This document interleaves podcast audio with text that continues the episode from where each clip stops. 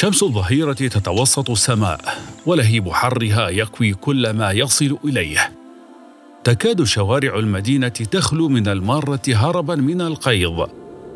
تهب نسمة جافة فتثير الغبار وتسفي التراب على وجه فتى يتوسد رداءه على أحد الأبواب وسط كل هذا الحر.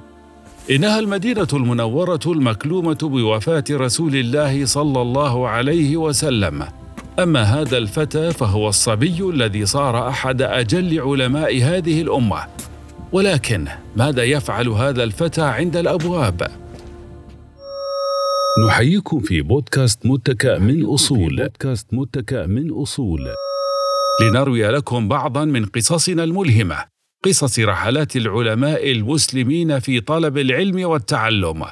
سنحكي لكم في هذه الحلقة عن فتى نذر نفسه للعلم وسعى إليه وتحمل لأجله رغم قرابته وقربه من رسول الله صلى الله عليه وسلم. إنه عبد الله بن عباس بن عم الرسول الكريم. عبد الله بن عباس بن عم الرسول الكريم.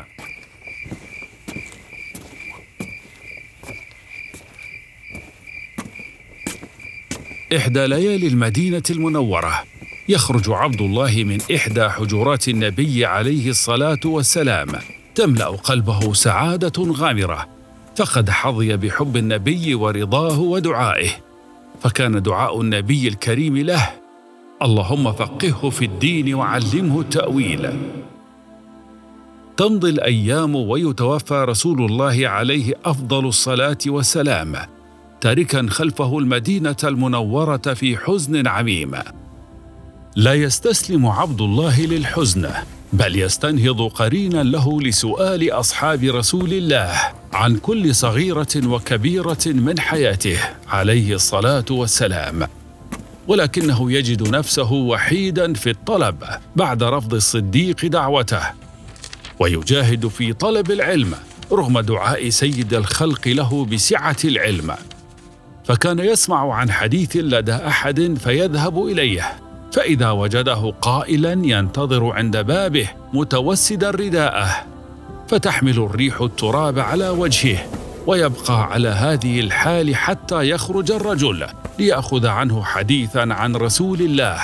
كان يفعل كذلك رغم كونه ابن عم الرسول الكريم. ولو أنه أرسل في طلب الرجل لجاء إليه سعيا لقرابته من النبي عليه الصلاة والسلام. وتمر الأيام أيضا وتفتح البلاد في زمن عمر بن الخطاب رضي الله عنه. فيؤثر ابن عباس رضي الله عنه ظمأ الهواجر في المدينة المنورة على الظلال الممتدة في بساتين الشام والعراق. لأجل طلب العلم من أصحاب رسول الله. حتى قال عن نفسه لما فتحت المدائن أقبل الناس على الدنيا وأقبلت على عمر بن الخطاب رضي الله عنه. وظل كذلك حتى اجتمع الناس عليه ليأخذوا عنه العلم. وصار حبر الأمة وترجمان القرآن.